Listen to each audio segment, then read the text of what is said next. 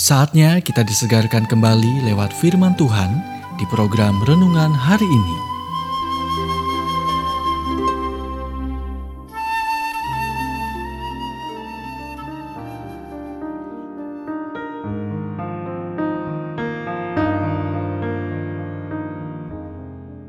Renungan hari ini berjudul Pelajaran Memancing bagian 5 Nats firman Tuhan dari Lukas 5 ayat 5. Karena engkau menyuruhnya, aku akan menebarkan jala juga.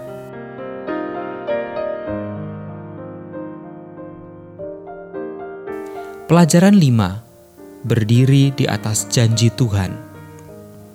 Dalam usaha memancing mereka sebelumnya, para murid percaya pada pengalaman dan kemampuan mereka sendiri tapi kali ini mereka percaya pada janji Kristus. Bertolaklah ke tempat yang dalam dan tebarkanlah jalamu untuk menangkap ikan. Lukas 5 ayat 4 Sekarang, Yesus tidak secara khusus mengatakan, Petrus, jika kamu pergi memancing denganku, aku menjanjikanmu tangkapan yang besar.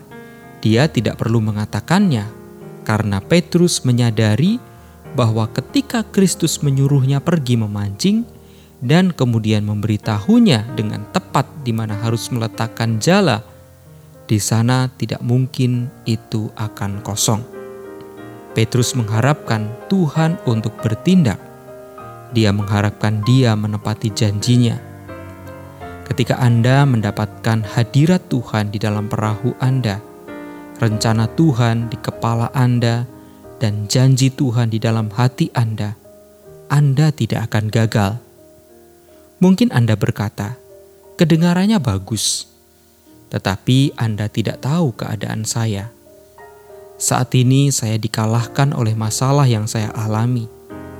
Saya mengalami masa-masa sulit. Jika Anda merasa terpukul oleh keadaan Anda, lakukan ini. Baca Alkitab Anda Temukan janji khusus dari Tuhan dan mulailah mengklaimnya.